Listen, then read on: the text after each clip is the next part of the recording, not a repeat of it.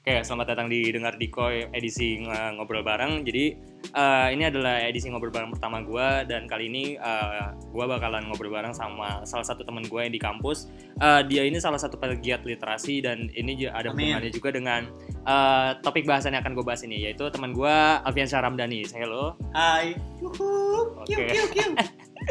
Jadi Alfian Syahramdani itu atau biasa dipanggil Doyok. Doyok. Ya, Doyok ini Gua eh, pikir menyesal. menyesal apa tuh? Ngenalin nama Doyok di awal. Waduh. Mungkin namanya lebih bagus aja gitu. ya. Apa tuh? James. Eh, tidak cocok. Lebih apa? Doyok tuh lebih kayak lo ngedenger ya kayak seniman tuh nama-namanya jelek. Eh, enggak. Eh, ya, sorry sorry. Enggak enggak seniman banyak kan namanya bagus-bagus enggak. Jadi eh, tapi lu ya gitulah. Saya bukan seniman, Pak. Aduh. oh, ya tapi lu kan sering puisi-puisi tampil di ini kan gue liatin di, Aduh, di, di coba-coba aja Instagram. Pak. Oh, coba-coba Iya, doang. coba. Kayak gue sekali ale gitu. Oke si oke jadi si Doyok ini teman gue ini eh, dia salah satu pegiat literasi dulu eh, juga salah satu yang bisa dibilang salah satu yang menginisiasi Fareksa ya. Salah satu kayak dia tuh kayak komunitas apa tuh lapak baca buku apa gimana tuh Eh, maksudnya um, Fareksa mungkin bisa diceritain sedikit. Alhamdulillahnya begitu. Jadi eh, sebetulnya Bareksa sendiri itu tadinya adalah sebuah perpustakaan alternatif Ah, yang ditujukan utamanya Hmm. untuk berupaya meningkatkan eh, minat ataupun baca ataupun tingkat literasi khususnya sivitas akademika yang ada di UPNPJ. ah. tapi kenapa harus lapak buku yang sederhana gitu maksudnya memang apakah itu emang eh, ini lu sendiri apa ini lu kayak nginisiasi ini nih ber- berapa nih? Maksudnya apa lu sendiri apa ada pasti ada teman-teman pasti Eh, awalnya gini ya, gua, gua itu terinspirasi pertama dari kawan-kawan yang emang sudah bergerak lebih dulu. Kalau pernah dengar ada namanya kolektif perpustakaan, Hmm. bukan kolektif jatuh, sorry, aliansi perpustakaan jalanan. Nah. Dia itu eh, kelompok ataupun komunitas yang bergerak di bidang penyediaan perpustakaan alternatif Ah. yang satu sama lain di tiap kota tuh saling Hmm. eh, bersinergi lah. Iya. Entah itu di eh, Bandung, Ah. entah itu di Purwakarta dan kebetulan Oh, ada jadi, juga di ah. Karawang. udah nyebar gitu ya di Iya, beberapa kota. dia mereka uh, udah bergerak. Gua belum tahu pasti itu mereka bergeraknya dari kapan. Cuma yang jelas di Karawang ada, di Ah, Karawang ada dan kebetulan waktu itu uh, pernah main-main ke acaranya, dikenalin sama anak-anak yang uh, bergerak di Hmm. perpustakaan jalanan tersebut. Sampai-sampai kebetulan kan uh, dari zaman-zaman masuk kuliah kan udah ya iseng-iseng kan suka beli buku, buat beli Ah. bahan, bahan bacaan aja. Cuma uh, beberapa orang penyakitnya kalau misalkan suka yang baca Ah, buku tuh mereka iya. beli buku tapi nggak selesai Iya, sering Baru banget, beli sering baru. banget. Gue juga sering banget. Iya kan sering beli banget. baru belum selesai beli baru kayak Ah. gatel ngeliat buku-buku baru tuh padahal Iya. buku yang lama yang ada di Belum raknya selesai. itu belum selesai Ah. atau bahkan belum buka sama sekali Ah, nah dan itu eh, termasuk eh, pada diri gue ah. gue termasuk orang yang kadang-kadang suka kayak gitu Gue juga Dan, sama. ah. anjir gue ngerasa kayak aduh duit gitu tapi gimana bukannya menarik kan Iya. akhirnya ya udah pada akhirnya Ah. buku-buku itu beberapa pada nganggur di rak gue Oh. Terus gue perhatiin iya, kan iya. rak gue ini nih kayak rak gue kecil kan Iya. terus buku gue bisa dibilang cukup banyak kelihatan gak rapi juga gitu Dan lu akhirnya buku-buku yang di rak lu itu akhirnya ya Ah. lu sumbangin gitu. ya ditambah waktu itu uh, Himaikom Oh iya, itu iya. ada juga di Iya, situ iya. Himaikom lagi beres-beres apa lagi beres-beres ruangan ya lagi beres apa Iya, beres- iya, iya. apa sekret Sekret. itu Ya- kan ya waktu banyak buku-buku bekas kan yang tadinya mau dikeloin gue sempat ngecek-ngecek tuh dan ternyata wih kualitas bukunya oke-oke Nah, koleksinya bagus-bagus Iya. dan menurut gue beberapa menarik nih kalau misalkan gue bawa Ah. dan kebetulan boleh kan semua Iya, dibolehin iya. ambil aja akhirnya gue ambil tuh cukup banyak Ah. akhirnya makin penuh rak gue kemudian gue merhatiin rak gue sendiri sampai mikir kenapa nggak gue biarin orang lain buat baca aja gitu Intinya mengadaptasi eh, yang perpustakaan jalanan yang tadi yang di Hmm. kota-kota itu lu adaptasin ke kampus gitu. Iya, Dengan konsep perpustakaan jalanan juga. iya alter, alter apa ruang alternatif Nah, cuma skalanya kan kalau misalkan perpustakaan jalanan tuh kan dia skalanya kota lah ya ya. daerah kalau Ya. gua sih bertujuannya pertamanya hanya untuk sekitar UPN aja. Sekitar UPN aja. Waktu itu semester zaman semester 3 Ya. pindah ke semester 4 kalau nggak salah. Ah, Itu orang yang pertama kali gue datengin Pak Azwar. ya kapro, kan- kaprodi. Eh Ah, dulu belum jadi belum kaprodi. Kaprodi, Belum masih ya. jadi Iya, iya. ini dosen bahasa Ya, Indonesia dosen dulu. bahasa Indonesia. Dia kan emang eh, Jurnal. lumayan terkenal. Dia- salah penulis, salah satu penulis sastra. sastrawan juga kan. Gue sempet konsultasi sama Pak Azwar, ya coba aja ntar abis liburan Hmm.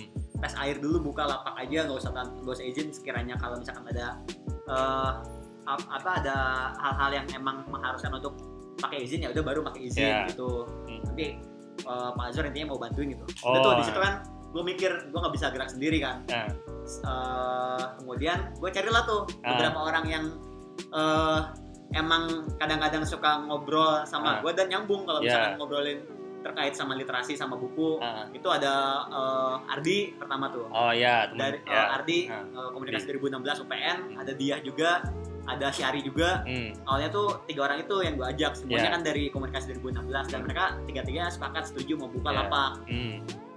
tapi kita baru bisa mulai buka tuh awal Februari eh Januari apa gue sendiri lupa Januari apa Feb antara Januari Februari sekitar situ 2018 ya, pas dari gitu 2018. Nah. eh kita modal nekat Hmm. kata Pak Azhar kan tas air dulu iya udah kita waktu itu kayak bawa tas eh, satu biji apa dua biji pokoknya bawa Hmm. buku Iya. taruh di tas kita bawa banner yang didapat dari mana gue sendiri lupa dapat banner dari mana Ah, gelar lah tuh di eh, lapang basket ah. UPN kan Oh, lapangan masih lapangan basket, Iya Wi? masih lapang basket yang Ah. Pondok Labu. Ah, Iya. UPN Pondok Labu ya. Ah, Eh, kenapa gue buka di situ karena menurut gue di situ tempatnya paling eh, aman karena di situ kan ruang bersama. Ruang Iya. bersama dalam artian kita tidak perlu izin untuk iya, misalkan iya. ah. mengadakan atau membuka sesuatu di situ. Apalagi yang menurut kami itu toh cuma lapak baca gitu kan, Iya. cuma gelar buku buat dibaca doang. Pernah bermasalah nggak lo? Maksudnya kayak pernah ditegur gitu ngebuka lapak sembarangan ini apa sih ini buka-buka Oh, ditebar-tebar gitu kan? Kalau di tegur nggak pernah. Cuma kalau ditanya-tanya sering kayak Eh. nggak sedikit gitu kan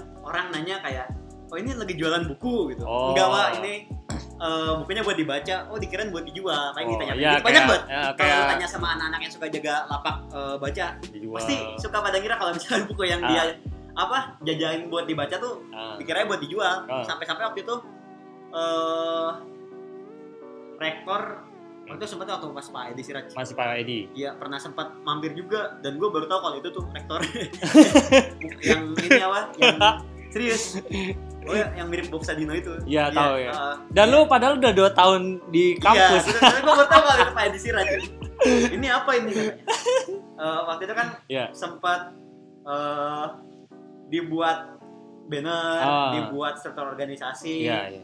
yang di mana waktu itu banner tuh eh, pembuatan logonya dibantu sama Marcus Sabili Sadot buat Iya, Marcus iya. Sabili Ah. wah Keren sih Eh, dia keren, keren. dia waktu itu kan bantuin bikin logo sama gue berdua kan ngerancang sama bikin banner juga kebetulan bannernya tuh sengaja gue buat eh, agak nyeleneh Ya. karena emang eh, itu oh iya iya, gue iya, gua pernah lihat tuh pernah- apa namanya gitu. bayar eh ba- ba- Baca ba- gratis, kuliah baca bayar. gratis kuliah bayar Iya. ya ya. maksudnya Nyentil banget sih itu. Iya baca gratis kuliah bayar tuh maksudnya eh, untuk mendapatkan ilmu lu tuh nggak perlu eh, mesti bayar Ah, sebenarnya tuh untuk mendapatkan ilmu eh, gratis dan dalam artian lain juga kalau misalkan Ah. kayak gitu lu nggak mesti kuliah juga buat Iya. mendapatkan ilmu ilmu itu datang dari keinginan lu sendiri dan keinginan itu tuh gratis lu bisa cari di iya mana-mana bisa gitu lu kan. tadi di mana aja Ah. maksudnya gitu Hmm. cuma gue sempat menyinggung ya dengan isu-isu yang beredar di kampus aja Eh, Iya, tapi menurut Iya. gua kayak saat uh, kemunculan Farexa pas dulu tuh kayak uh, memang menurut gua nah itu yang kayak ibaratnya sampai sekarang nih kayak membawa perusahaan gua tuh maksudnya uh, bahkan even menurut gua tuh kayak uh, perpustakaan kenapa harus sampai jemput bola segitunya gitu. Maksudnya ngerti kan? Maksud maksudnya kayak Iya. gua, kayak gua kalau gua melihatnya uh, uh, lu membawa uh, perpustakaan modelan perpustakaan jalanan ini tuh kayak uh, yang tadinya perpustakaan mesti kita tahu kayak di gedung kah atau misalkan di ada tempat-tempat tersendiri gitu kan.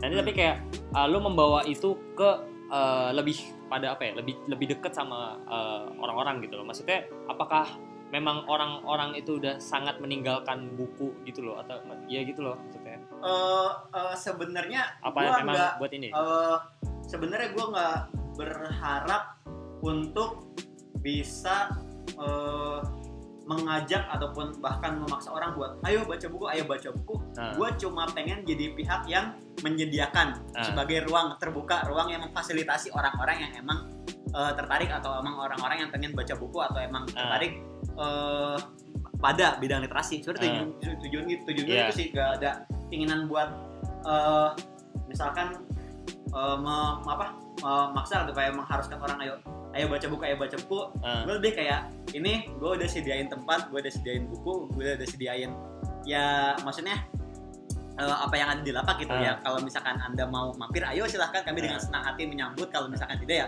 ya nggak apa-apa. Nah, dan gue tidak menjudge eh, orang yang lewat doang tanpa melihat sedikit pun lapak gue itu sebagai orang yang tidak suka baca buku atau jarang baca buku. Gue nggak menjudge itu sama sekali kayak nah, ya mungkin ada pertimbangan-pertimbangan lain yang membuat mereka kayak eh, nggak mampir ke lapak ya. Mungkin mungkin tempatnya emang sibuk kurang gitu sibuk, atau tempat kurang tempatnya nyaman, kurang nyaman karena karena emang kita seadanya ya tempat ah, gitu. Terus kalau lu misalkan lu tanya tadi kenapa sih sampai jemput bola eh, segitunya gitu kan? Sampai sampai eh, maksud lo kayak sampai sampai gua harus kayak nggak- menyodorkan iya, perpustakaan perpustakaan ke gitu. orang gitu. Ya karena yang pertama eh, menarik sih. Gue gue yang pertama seneng ngejalaninnya. Yang kedua ini eh, menurut gue pribadi gue ini baru ngobrol semalam juga nih sama temen gue Firdi di Twitter kan. Ah. gue ngebahas soal eh, fungsi perpustakaan Hmm.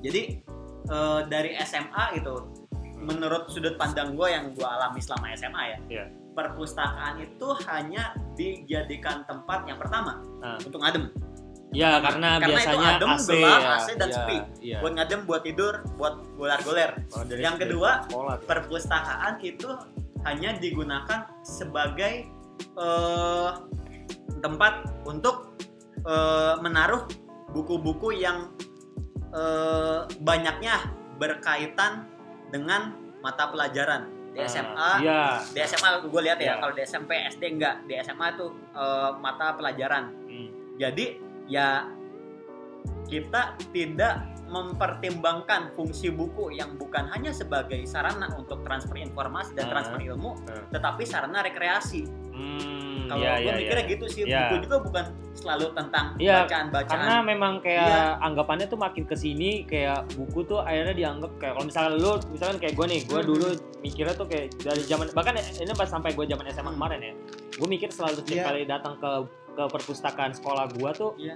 yang gue temuin tuh nggak pernah buku-buku yang membuat gue menarik Mhm. buku-buku pelajaran lah ini Iya. itu ini itu memang ada ada kayak semacam apa ya eh section section gitu lah ya kalau saya nyebutnya eh, nanti ada buku-buku tentang apa Hmm. tapi itu kayak nggak terlalu lebih lebih itu kayak minor gitu minor dikit banget. minor banget Ketimbang buku-buku yang emang datang Heeh. dari eh, biaya operasional sekolah. ya bos. iya sih memang maksudnya Hmm. memang kalau menurut ya untuk Ya. secara sekolah atau mungkin perguruan Ya. tinggi bahkan di, di kampus kita pun untuk eh, perpustakaannya memang untuk ditujukan untuk menunjang Ah, kebutuhan, Kebutuhan belajar. belajar. Ya, tapi oh gue nangkap sih di situ. Lu Ya. memang lu mau menghadirkan eh, sisi dari rekreasinya Iya, dari si bahwa, perpustakaan. bahwa ini. eh, ingin lebih me- apa ya di Barekto gue ingin lebih membuat eh, buku tuh kolek apa bacaan yang ada di UPN tuh lebih beragam gitu. Gak Ya, cuma yang ya, berkaitan ya. sama eh, tentang, Tentang ini ilmu di fakultas ya, masing-masing, entah itu buku eh, hukum, entah itu buku yang berkaitan sama ilmu komunikasi dengan Ah. hubungan internasional, dengan ekonomi dan ya sesuai program Oh, studi program studi iya. gitu lah ya jatuhnya. kita juga perlu bacaan-bacaan yang memang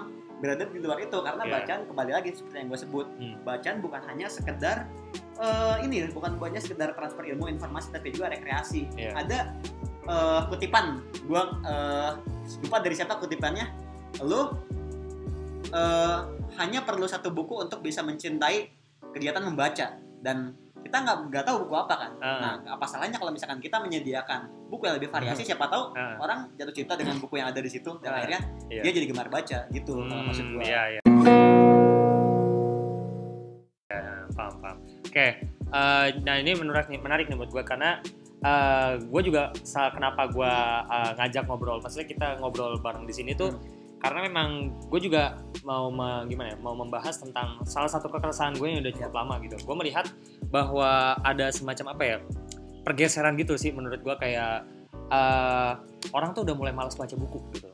Kayak nggak bukan dalam artian udah bener-bener males gitu ya udah nggak ada yang mau baca buku atau apa karena menurut gue tetap ada sih yang baca buku ya Iya. tapi buku itu dianggap sesuatu yang apa ya kaku gitu loh menurut gue dilihat kayak orang tuh lihatnya buku ya gimana ya ya mungkin juga pergeseran zamannya emang kan jet-jet apa gimana Mhm. teknologi tuh makin hajar eh, ngelit literasi semakin jadi digital lah jatuhnya ya jatuhnya nah itu kayak gue mau nanya nih maksudnya eh, menurut lu nih pandangan lu sendiri eh, kemun dengan ada teknologi yang makin modern gini loh untuk yang sekaligus membuat eh, literasi jadi yang tadinya konvensional le- le- lewat buku lewat eh, dulu misalnya apa kayak orang tua baca koran ya koran Hmm. itu kan kayak orang bahkan orang tua Iya, tuh iya. nganggepnya eh, lebih nyaman baca koran dibanding dia kayak zaman sekarang nih orang-orang tua yang yang bener tua ya maksudnya orang tua tuh nggak bisa baca eh, nggak bisa baca yang kayak ya berita-berita di HP gitu jadi apakah memang eh, menurut lo gimana ya pergeseran teknologi ini membuat orang semakin malas baca buku atau menurut lo ada pandangan lain gitu atau malah justru lo eh, ini tuh bisa bermanfaat gitu loh buat orang-orang tuh supaya demen tentang literasi gitu tentang membaca informasi gitu. Eh, menurut gua kalau misalkan bicara soal teknologi dan hubungannya dengan literasi eh, teknologi menurut gua menunjang eh, literasi sih menurut gua ya Iya. kenapa karena eh, semakin ke sini gua perhatikan bahan bacaan ataupun referensi bacaan eh, yang ada di Indonesia ataupun yang di, di apa ya di, bisa diterima masyarakat semakin banyak Hmm. dan itu eh, berkat dengan eh, bantuan teknologi dengan adanya Iya. internet. Ah.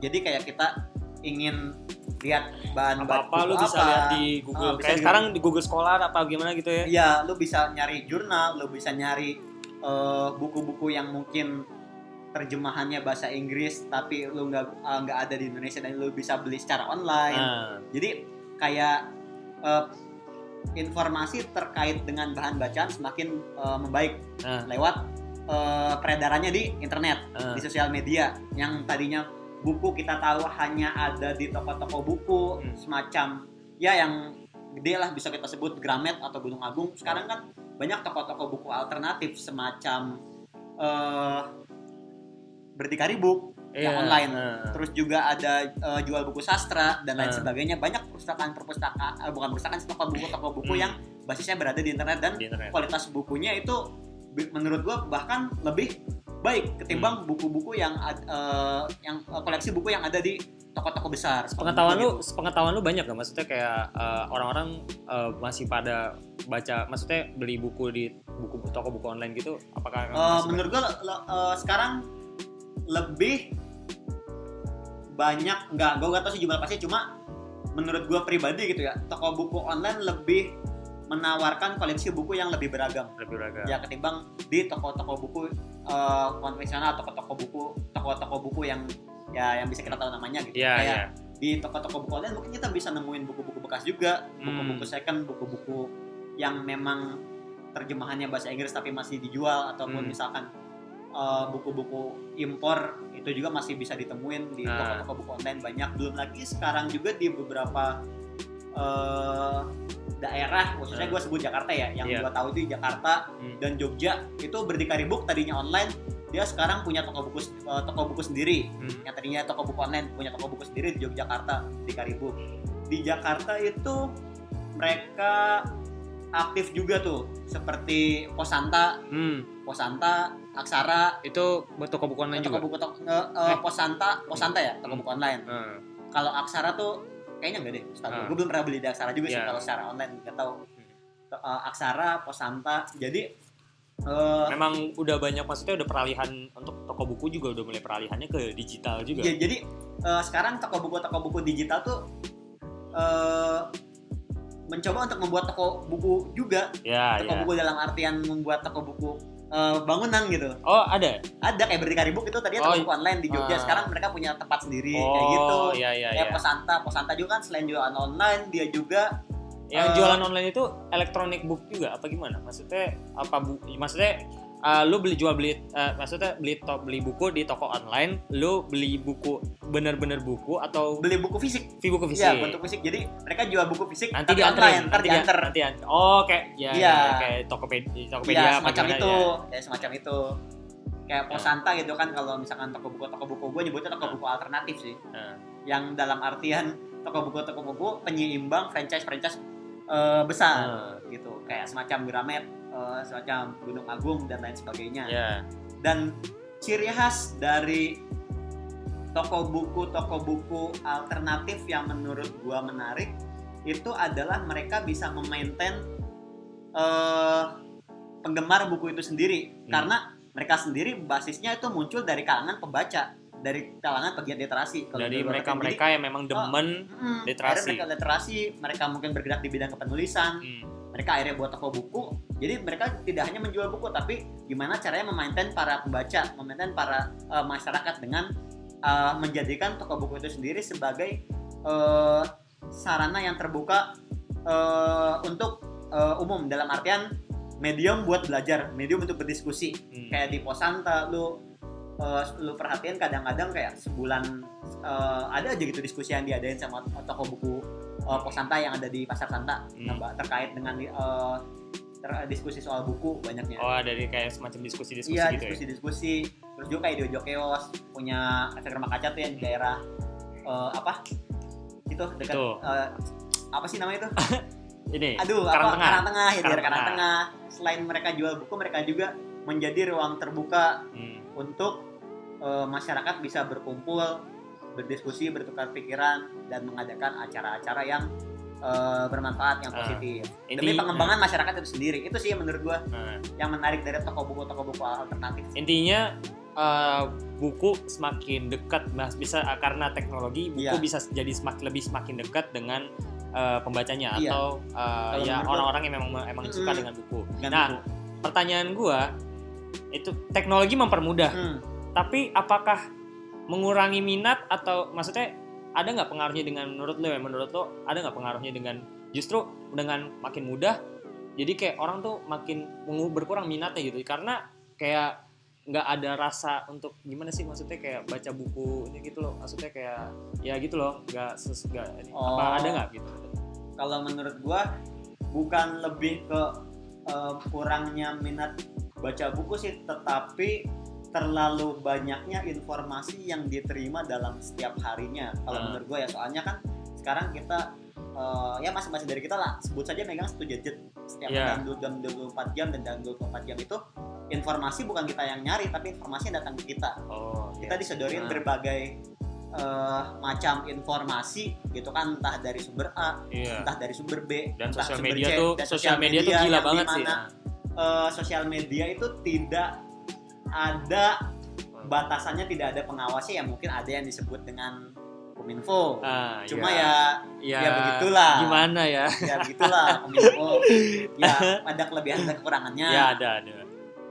Jadi ya kita terkadang tidak bisa eh, me- apa ya kita tidak bisa me- membendung ataupun tidak bisa me- apa me- apa me- Meng- eh, apa ya sebut ya? Tidak bisa membendung eh, bukan membendung ya apa itu kayak apa sih sebuah keniscayaan gitu loh kan. Pasti pasti gitu loh ngerti ya? kita agak sulit ya, Ya, agak, agak sulit, sulit. untuk eh, mem- apa ya mem- menerima informasi eh, secara eh, secara apa ya secara secara utuh iya tapi Nah, secara eh, ya secara yang ya terbias iya bias gak banyak inilah banyak, ya iya. nggak nggak tapi kayak bias tuh kayak eh, gak jelas Gak jelas ya, terlalu banyak sumber Terlalu yang kita banyak. terima. Nah. Jadi kita tidak Nggak agak sulit memprosesnya Iya, itu. jelas. Nah itu eh, menurut gue yang eh, jadi, salah satu iya, penghambatnya gitu jadi, ya. jadi apa salah satu penghambatnya sih kita jadi kayak aduh udahlah gitu Eh, males gitu kayak ya teknologi justru malah yang membuat kita jadi berkurang. Nah itu juga salah Iya. satu yang bikin gua kayak ngerasa uh, apakah karena uh, akses informasi nih, ini kan juga salah satu ada hubungannya juga dengan Hmm. literasi kan. Uh, akses informasi itu terlalu mudah gitu. Menurut gue Hmm. juga makanya tadi sempat nyinggung um, kita tuh ngakses informasi setiap hari di mana-mana gitu kan, Hmm. sosial media, di berita online, di banyak lah ya kalau misalkan bahkan Ya. di WhatsApp uh, kalau misalkan orang tua kadang-kadang Iya, dapat BCA iya iya iya eh, yang begitu-begitu kan Hmm. itu kan kayak nggak bisa dibendung gitu loh dan eh, itu ngurangin orang untuk kayak lebih apa ya nggak menerima informasi mentah-mentah gitu loh jadinya dan maksudnya gimana ya jadi kayak ya makin ke sini tuh orang tuh jadi ya ya ke fenomena ini tuh jadi mengurangi orang untuk nggak gimana ya ada hubungannya menurut gue dengan dengan buku. Kalau misalkan kita baca buku informasi setiap apa pun yang didapat dari buku kah, atau dari atau misalkan dari koran Valid. atau dari itu itu benar-benar yang tek gitu lah ya. Hmm, dan itu kayak ya strict gitu yang kita pahamin dan nggak bias. Nggak biasa ya. Sementara dengan teknologi yang makin menghajar itu kayak akhirnya kita tuh kayak punya kebiasaan jadi nggak punya apa ya nggak punya semacam sense of filtering Iya. information Iya, gitu ada. Emang sense and filtering menurut gue perlu sih di Ah. era eh, apa ya era yang di mana segala satunya sekarang serba cepat termasuk informasi kayak dalam hitungan detik aja bisa dapat Iya. sekian banyak informasi gitu beneran Nah, eh, kita bukan hanya harus bisa meneri- mem- membuktikan membuktikan bahwa Nah. sebuah informasi ini benar atau tidak tapi kita juga harus mem- memban- apa, membandingkannya dengan Hmm. informa apa dengan eh, informasi yang sama tetapi dari sumber yang berbeda. Ah, terus juga kita harus eh, apa membanding apa eh, maksudnya memban apa mem, mem- apa ya mem, apa ya meneliti lagi ataupun memikirkan lagi apakah informasi tersebut penting atau tidak untuk kita.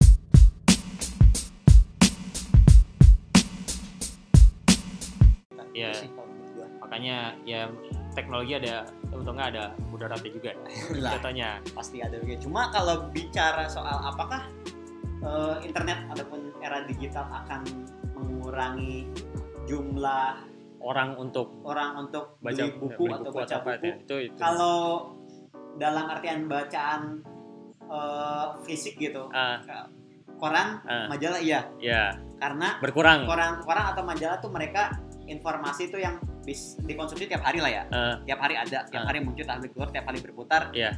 Ya mereka terus dikonsumsi sama masyarakat secara eh, apa ya, secara terus menerus gitu kan, Iya. sehingga ya dengan melihat celah juga kalau misalkan dengan internet mereka lebih media lebih mudah gitu kan Ah. menjangkau masyarakat ya ah. akhirnya bentuk-bentuk fisik tuh bakal ditinggalin sih Nah, ini, ini satu pertanyaan strike nih tentang Nah, koran bisa, bisa ditinggalin koran atau majalah atau ya Hmm. bentuk-bentuk buku ya atau bentuk-bentuk hal-hal yang fisik gitu, Hmm. literasi fisik. Menurut lo koran atau majalah ini gue spesifik ke koran atau majalah Hmm. deh.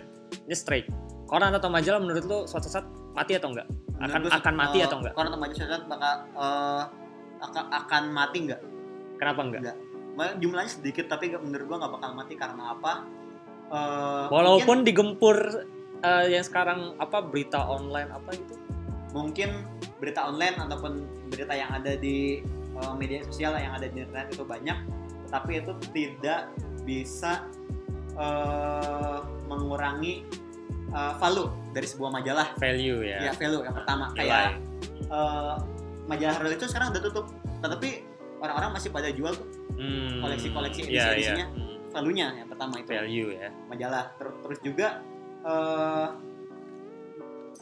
koran bisa jadi menurut gue pribadi ya koran bisa jadi ya sebuah sarana inform eh, sarana untuk menyebarkan informasi bagi ya eh, ini sih bagi orang-orang yang memang apa ya jauh gitu orang-orang yang Ya. jauh dari ini apa jauh dari Ya, teknologi iya. juga ya. apa gimana? dari apa ya eh, ke- eh, memiliki keterbatasan Oh, dalam akses teknologi iya, iya, iya. ter- entah itu akses internet entah itu dan lain sebagainya itu Hmm. koran masih jadi alternatif Oh, kalau oke menurut oke. Berarti tidak akan mati nih ya. nggak mati sih paling jumlahnya berkurang Oke. Eh, soal ini soal terakhir juga nih, soal terakhir juga yang mau gue sempat bahas sempat mau gue singgung. Eh, dari tadi kan kita ngomongin soal buku fisik nih, Ah. buku fisik. Tapi eh, makin ke sini kan banyak nih bertebaran, bukan bertebaran sih jatuhnya apa ya? Ebook, ebook. ibu. Gue juga cukup agak gimana ya, agak menyoroti soal fenomena, bukan fenomena, sebenarnya itu udah kayak keniscayaan juga, Hmm. maksudnya buku-buku ini tidak perlu dicetak secara fisik, tapi cukup dengan digital, ah bukan digital sih jatuhnya apa ya, ya, ya elektronik gitu kan, Hmm. ya maksudnya nggak nggak perlu dicetak tapi udah di, kita bisa baca di gadget kita sehari-hari, ya, nah itu gue juga kayak menyoroti, apakah menurut lo nih electronic book eh, itu punya semacam apa ya perbedaan gitu dengan buku fisik gitu. Ah, dan karena menurut gue kadang-kadang eh, dengan menurut gue tuh ketika gue misalkan baca sesuatu dengan di electronic book ketimbang gue baca buku asli kadang-kadang gue lebih nggak dapet yang di electronic book gitu. Kayak kayak mal kayak beda aja gitu loh feelnya gitu loh. Dan menurut lo sejauh mana sih perbedaan gitu? Loh lo kan yang benar-benar menyorotin lo kan maksudnya punya muslim pasti baca buku gitu kan? Ya. dan lo gimana menurut pandangan tentang electronic book ya eh, kalau menurut gua pribadi sebenarnya gue pribadi bukan penggemar apa ya bukan penggemar ebook sih karena gue bacanya pusing karena tulisannya kecil kalau di ebook yang kedua lu tidak akan bisa meminta tanda tangan JK Rowling di Iya. HP lu hanya buku fisik yang bisa ya, An- anda tidak bisa Kayak tanda nanti- tangan penulis favorit anda Kayak nanti uh, Susan Collins mau bikin prequel Hunger Games, Hmm. terus lo nggak kalau udah full Iya. rilis lo nggak bisa minta tanda tangan. iya. Bisa bisa lihat tanda tangan Jadi kayak feel beda gitu ya? Apa gimana tuh? itu eh, ya pertama value kembali ke value Value lagi ya? mungkin kalau misalkan buku-buku sih kayak tanda tangan untuk Alfian atau untuk Ardika kan bisa Ya itu kan dari segi sen- seda kalau tanda Iya. tangan itu kan dari segi sentimental. iya Maksudnya sentimental. uh, lo ada sesuatu yang diberi Iya. nilai di situ lah ya. Tapi iya. dari segi apa ya? Dari segi orang jadi yang tadi gue balik, balik lagi balik lagi pas Hmm. sebelum gue tutup yang tadi gue sempat singgung soal minat. minat Apakah orang jadi lebih cenderung males kah baca buku di elektronik dan akhirnya eh, itu mempengaruhi juga dengan males baca buku secara fisik gitu. Karena menurut gue karena karena menurut gue ada ada semacam apa ya? berhubungan juga gitu loh. Jadi kayak orang tuh nggak terbiasa melihat tulisan lagi gitu gara-gara lu terlalu banyak lihat layar gitu menurut gue. Lo ada nggak maksudnya hubungan hubungan kayak gitu? hubungan kayak gitu menurut gua gua sejujurnya belum pernah baca maksudnya gua belum pernah ngulik sampai situ tapi kalau misalkan tak terbiasa melihat buku sa- karena terlalu terbiasa melihat layar kayaknya enggak deh kalau gua rasa ya Hmm, melihat layar iya. kayak eh, tapi menurut gua eh, buku-buku eh, fisik ini bakal apa ya bakal bakal bakal terus ada sih mau entah itu bentuknya setipis apa pun atau setebal apa pun kayak macam Nah, novel entah macam kayak Iya, cerpen apa pun. Nah. kumpulan cerpen menurut gue itu bakal tetap ada. tetap ada di era yang serba cepat ini orang-orang pasti tetap baca novel tetap baca ya baca baca baca baca entah itu yang bentuknya buku atau eh, di apa digital sih karena menurut Iya. gue itu tidak tidak ada masalah sih dengan keduanya Gak ada masalah ya. Iya, sebenarnya dua-duanya hanya dua hal yang sama dengan format yang berbeda. Justru Hmm. yang harus disoroti sih menurut gua ke ininya sih eh, keragaman bacaannya. Nah. Menurut gua kayak eh, masyarakat lebih Hmm. perlu lagi diperkenalkan dengan eh, karya-karya penulis-penulis entah itu Indonesia, entah Ah. itu penulis-penulis eh, luar negeri karena Nah, eh, dengan mereka mengenal penulis-penulis luar yang ataupun penulis-penulis dalam negeri dengan gaya mereka yang lebih beragam dengan pembawaan mereka yang beragam ya itu lebih menghidupkan eh, eh, hasrat lah gitu nah, akan dunia eh, literasi atau apa dunia dunia dunia buku nggak cuma ini ya nggak coba nggak cuma penulis fiksi ya penulis Ah. apa pun gitu ya iya. ya apa meningkatkan hasrat dunia buku uh, ataupun dunia literasi itu sendiri sih jadi kita ya lebih wah gitu lebih wih luas lebih juga lah gitu banyak gitu, ya. Iya lebih banyak yang kaya, kita tahu, lebih lebih kaya lah gitu. Soalnya kalau gue perhatiin eh, masih pengenalan pengenalan akan karya eh, ini gue ini ya singgung ke ini ya karya sastra di sekolah gitu gue merhatiinnya masih kurang sih nggak tahu kalau misalkan di sekarang Iya, zaman sekarang ya kalau iya. di zaman gue eh, ya gue pengenalan akan sastra ataupun penulis-penulis Nah, eh, luar negeri ataupun dalam negeri itu masih kurang kalau menurut gue oh. kayak kita cuma eh, dikenalin sama yang kayaknya itu itu terus gitu. Iya. itu terus kayak eh, lo tau sih eh Makaji yang kayak Oh. ya, itu bagus sebenarnya bagus cuma kenduri. Ah, kenduri. Yang selalu jadi soal UN iya kan jadi soal UN tapi gue gak tau tuh apakah anak-anak dari bu di bawah kita masih ngebahas kayaknya itu enggak juga deh. Kayaknya soalnya Gua waktu itu kan ada fenomena fenomena yang soal bocor tuh kan kayak sekarang Iya. tuh Atai Halilintar lah apa yang soal YouTube sekarang. Iya menurut menurut gue sekarang soal UN menurut gue apa ya? Jadi ya eh, Kehilangan. pengenalan terhadap penulis-penulis dalam negeri Hmm, ataupun nah. luar negeri. Entah itu penulis puisi entah itu pui- penulis novel penulis cerpen penulis ah, non fiksi esai dan lain sebagainya itu menurut gue perlu apa ya dimasukkan ke dalam kurikulum sih karena ya Oh, untuk menghidupkan literasi juga. Seenggaknya di pelajaran bahasa Indonesia gitu ya? Iya dengan bahasa Indonesia karena untuk menghidupkan literasi menurut gue aspek eh, dari pendidikan formal perlu sih yaitu Ah. sekolah kan salah satunya. oke. Dan dari komunitas juga menurut gue perlu menarik tuh kalau dari komunitas karena eh, komunitas tuh dia bisa merangkul siapa saja kalau komunitas Iya. kayak yang tadi gue sebut perpustakaan per- apa kolektif kolektif perpustakaan perpustakaan yang mungkin dibuka taman di taman ataupun di Iya. tempat-tempat umum Hmm, menurut gue itu upaya yang bagus untuk merangkul masyarakat memperkenalkan masyarakat hmm. karena beberapa perpustakaan perpustakaan jalanan yang gue tahu itu mereka bukan hanya mengenalkan eh, tentang buku-buku yang bagus tentang buku-buku yang menarik tetapi juga sedikit banyaknya gitu memperkenalkan kita ataupun menyadarkan kita dengan isu-isu yang terjadi di sekitar. Oke. mereka udah bukan hanya eh, berkaitan dengan eh, bagaimana caranya kita men- menyediakan buku tetapi bagaimana caranya kita eh, menyadarkan masyarakat a- akan isu-isu sekitar dan berlanjut kepada eh, kegiatan aktivisme. Itu sih eh, yang menarik. Kayak eh, di Kerawang itu perpustakaan jalanannya aktif juga ngadain aksi kamisan eh, setiap hari Kamis. Eh, di itu di apa? Di Monas? Enggak apa di, di Karawangnya? Kerawang ya Di di Kerawang. tiap kota kan eh, oh di- tiap di kota ada kota, sendiri di sendiri tempat umumnya biasanya di tempat gue taunya cuma yang di Iya, Monas di- semua yang pusatnya kan di Monas. Heeh. di Kerawang juga buku ada oh iya setiap kota ada gitu ya Dan itu eh, yang apa ya yang ngadainnya itu orang yang sama.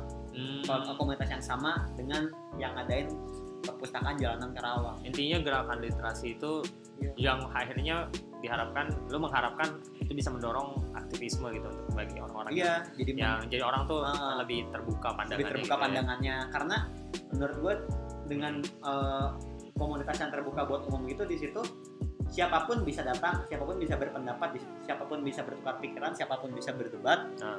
dan di situlah muncul pemikiran-pemikiran baru di situ muncul argumen di situ muncul narasi-narasi baru yang Ah, eh, siapa tahu eh, narasi tersebut bagus untuk apa memecahkan masalah yang ada di masyarakat Oke oke oke. Itu sih. Mantap. Sip sip sip sip. Oke, ini kita udah berapa? 37 de- 37 menit. Oke.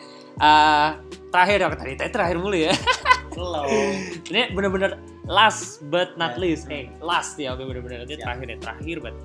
Tadi lu sempat juga menyinggung soal eh, masukan lu untuk pemerintah gitu ya. Hmm. Jadi tolong didengarkan ya pemerintah siapa pun yang mendengarkan. Iya. ya siapa tahu eh gue punya impian dengar Diko itu didengarkan bisa dengar sama ini sebagai sarana kritisme terhadap Sama- pemerintah eh, enggak enggak gue gue juga kritis sama, sama sama ini. pemerintah. Itu gue juga ada ya kalau memang gue pro gue pro. Dan kalau gue kritis gue kritis. Nggak cuma sama pemerintah sama kampus sendiri juga gue kritis enggak yang soalnya kemarin yang YouTube? Iya. Iya. Iya. Iya. Ya kan? Nah ini terakhir nih terakhir. Tadi lu sempat nyinggung sama pemerintah. Harapan lu atau bayangan lu ke depannya nih uh, atau seenggaknya apa ya? Masukan atau inovasi atau saran lu dari lu sendiri terhadap uh, orang-orang mereka-mereka nih yang lagi berusaha untuk uh, meng, gimana ya, menggiatkan literasi kepada orang-orang yang belum terlalu kenal sama literasi. Menurut lo tadi lo juga udah sempat baca banyak sih Eh, gimana menurut apa ada, ada nggak menurut lo yang benar-benar eh, gimana ya cara menyadarkan orang-orang yang apa anak bahkan anak-anak milenial sekarang nih ya maksudnya kan ya yang paling sekarang didengung-dengungkan kan millennials millennials ini kan nah gue yakin juga millennials millennials ini kan yang sekarang apa menurut gue overuse ini eh serius jadi ya overuse ya cringe. sih. Lo masa kan kayak terlalu sering didengung-dengungkan Iya, kan. cringe Nah, itu jadi kayak makin menurut gua akan menurut gue ini menurut gue ya ada degradasi gitu kan. Entah gue dia sepanjang kita tadi ngobrolin ada degradasi. Harapan lu untuk mengurangi degradasi tersebut degradasi minat baca gitu pasti kan makin zaman makin ada dong sekarang menurut gue sih gue mandangnya permasalahannya itu eh, sekarang adalah era visual. Visual ya? Contohnya apa? Bukti dari era visual. Film kah sekarang eh, berita aja eh, dibuat infografis. Oh ya ya banyak sih yang di sosial media. bentuk-bentuk gambar yang menarik. Berita juga dibuat video 20 detik. Tahu kan konten siapa? Ya paham. video 20 detik. Paham, paham. nah itu Ya, adalah bukti bahwa sekarang informasi yang pada awalnya berbentuk tulisan sudah dikemas serapih mungkin dan seringkas mungkin Hmm. eh, lewat eh, visual apakah Gambar, itu suatu video. kemunduran Eh, gua nggak bisa nyebut ini sebuah kemunduran atau kemunduran tidak bagi ya. kemunduran bagi dunia literasi atau Eh, tulisan Gue nggak bisa eh, nyebut itu kemunduran atau tidak. Cuma yang membedakan antara menonton dengan Ah. membaca, eh, ketika menonton, lu melihat, eh, ya udah gitu, lu melihat, ya habis ya udah gitu. Hmm. Tapi kalau lu membaca, lo akan lu membayangkan akan membayangkan. Nah, Bukan itu. sebelum membayangkan, lu bakal Iya. memproses ya, sebuah kata tersebut yang, di otak lu. Ah, ah, itu yang Habis sangat itu sangat lu betul. membandingkannya dengan informasi-informasi yang udah Ya. lu punya di kepala lu, Hmm, sampai lu bisa membayangkannya. oke. Jadi singkatnya tuh ada proses berpikir kalau Ah, dari membaca kalau dari gua baca juga gitu sih Iya. kalau dari singkat gue yang gua tahu yang membedakan oke. antara membaca atau menonton itu sih dan Sip. permasalahan sekarang era visual di mana eh, semuanya berlomba-lomba eh, bisa untuk memberikan sebuah suguhan visual yang rapih, yang bagus, yang cantik, yang estetik Ah. dan you miss apa overuse juga tuh pemakaiannya. Guys anjir didengarnya estetik, estetik Iya. di mana-mana estetik anjing estetik. Eh, tapi menurut gua visual itu bukan hanya tentang soal bagus, indah, Hmm. eh, rapih, estetik, tetapi juga eh, sebuah visual harus bisa bercerita, harus bisa menyampaikan pesan, Ah. dan itu hanya bisa didapat dari antara lo membaca atau enggak lo mengamati apa yang ada di sekitar lo. Oke, sip. Itu Oke. untuk apa ya menghubung, eh, maksudnya nih. Ya. seimbang lah gitu, Oke. harus ada penyeimbang. Oke, sip, sip, sip. Itu Nice, nice, nice. Oke, gue banget bener-bener gue setuju banget tuh soal tadi itu karena gue ngerasa banget sih soal buku kalau misalkan lu lihat tulisan lu tuh pasti kayak ngerasa Hmm. ngebayangin ngeproses itu dalam otak di- dibanding eh, lu lihat gambarnya dan segala macam kayak gitu. Oke, yuk. Oh, bentar, Ah, gue ah, lupa iya. soal book shaming. Ah, book shaming ada? Ah, Apa pernah tuh? dengar tentang book shaming? Eh, enggak. Jadi eh, di eh, apa ya sebuah Apa tuh? Istilah singkatnya deh, istilah singkatnya singkatnya. itu kayak Singkatnya. merendah-rendahkan bahan bacaan. Ini juga jadi masalah menurut gua. Gua lupa nyebut. gue mungkin Kayak, gue tau gak sih enggak kayak, ah, baru-baru eh, ini tuh apa gimana? Enggak sih, lama. enggak sih ini mah kayak ya Oh, ada- penyakit yang ada, emang ada ada istilahnya. ada istilahnya book shaming. Jadi sebuah situasi di mana eh, seseorang menganggap ba- bahan bacaan seorang itu lebih rendah. Hmm, Kayak iya, mungkin iya, iya. eh, kayak ah buku eh, nya oh, buku, buku baca buku cinta-cintaan mulu sih baca bukunya yang progresif dong Ah. baca bukunya yang politik dong sosial dong oh baca bukunya yang yang leye-leye Iya, iya, iya. yang eh, yang sedih-sedih gitu yang galau-galau Ah. nah menurut gue itu jadi permasalahan sih Hmm. Ke- kenapa karena eh, di situ malah memberikan sebuah gap sebuah jarak eh, antara bacaan apa ya bacaan eh, apa ya ba- bacaan eh, yang apa ya eh, bacaan yang katanya eh, katanya tinggi Hmm. dan katanya eh, mutunya rendah Oh. padahal sehingga orang-orang jadi ngerasa kayak waduh gua nggak nyampe nih baca ginian mah waduh gue pusing nih baca ada ginian sih, mah iya gue. Padahal menurut gue sesama, sebagai sesama pembaca, se- eh, sebagai sama orang yang gemar baca buku gitu Ah. ya, lu nggak usah menjudge ataupun misalkan nilai buku orang lain itu mutunya rendah atau tinggi toh Hmm. setiap orang punya minatnya masing-masing dan setiap orang punya pintunya masing-masing buat membaca. Hmm. Gue juga eh, awal baca karena ini apa? Karena buku-bukunya eh, Raditya Dika Ya. itu gue awal, awal Dan baca orang- karena orang- yang disebutnya orang- sekarang buku-buku Ciplit gitu. Iya. Iya, dulu emang rame sih emang. Iya, dulu iya. memang pada saat ada Iya, pada itu masanya. buku ri- eh, apa buku yang emang bisa dibawa ketawa-tawa, Hmm. yang ringan gitu kan. Tapi ya sampai sejauh ini ya gue dengan membaca buku Raditya Dika, gue bisa membaca lebih banyak buku yang gak cuma genrenya semacam Raditya. Dika juga. Dan kayak orang sekarang Iya. zaman sekarang tuh mulai, eh, lu mulai ala lu mulai dari buku bukunya Radit aja lu gitu-gitu ya. iya, menurut gue buku apa kayak merendahkan baca seorang gak perlu sih karena setiap orang punya Punya caranya caranya masing-masing, masing-masing buat membaca, punya minatnya masing-masing, punya selera yang masing-masing dan Oke. eh, siapa tahu itu sebuah gerbang dia buat jadi entah pembaca yang baik atau jadi penulis yang ya. baik. Hmm. Sip, sip. Itu sih kalau menurut gua. Oke, udah 40 hampir 45 menit. Oke. Oke, thank you banget nih Yok ya atas eh, apa podcast singkat eh bukan podcast singkat sebenarnya 45 menit lumayan panjang ini ya. Aduh. Lo ada apa ada semacam sosial media yang mau di sini? Ya. Jangan lupa eh, follow apa di IG? Hah? At apa? At apa? At apa? ALF FFF. Iya. F Ada ya, Alfian pokoknya. Kalau mau Iya. kalau Dikoi bilang itu ya udah deh Alfian F-nya 4. Yo. Follow, follow saya di situ. Dan lo juga ini ada proyek YouTube kan?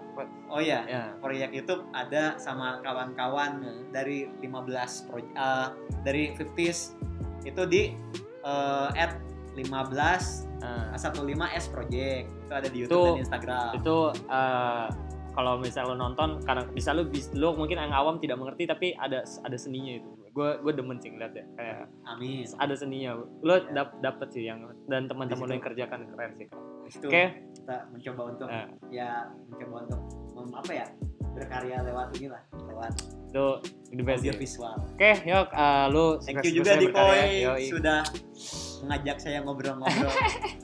ini juga pertama kali kan Iya. aduh jadi gue juga thank you banget udah jadi apa uh, ba- ngobrol bareng pertama gue. Oke, uh, itu aja untuk uh, dengan Nikoi kali ini. Uh, jangan lupa uh, dengerin terus setiap minggunya. Mungkin nggak juga setiap minggu sih, kadang-kadang juga gue udah, dengarkan terus upload ya. podcast Enggak dong. wah Tidak, Iya. saya saya masih iseng-iseng, Pak. Waduh, jangan gitu. Tapi Diko ini kalau Anda dengar para pendengar Apa ini, Diko ini wah, Anda harus ikutin terus deh. Eh, Banyak kejutannya. Banyak kejutannya. Anda nih, Jujur aduh. aja, banyak kejutannya. Saya tidak bisa mempromosi Anda lebih banyak kan ya. ya elah santai. Banyak kejutannya. aduh, aduh, aduh. Soalnya sebelum rekaman Diko udah cerita banyak, jadi ya Apa tuh? tunggu aja. Oke, udah, udah. Oke, thank you banget udah, you. udah dengerin Dekat Dikoy. Yuk, eh, dengerin tiap minggunya. Jangan lupa eh, kasih kemasukan dan kritik di silakan sosial Ya. media gua. Itu aja untuk podcast kali ini. See you on next podcast dan have fun. Goodbye. Bye. Bye.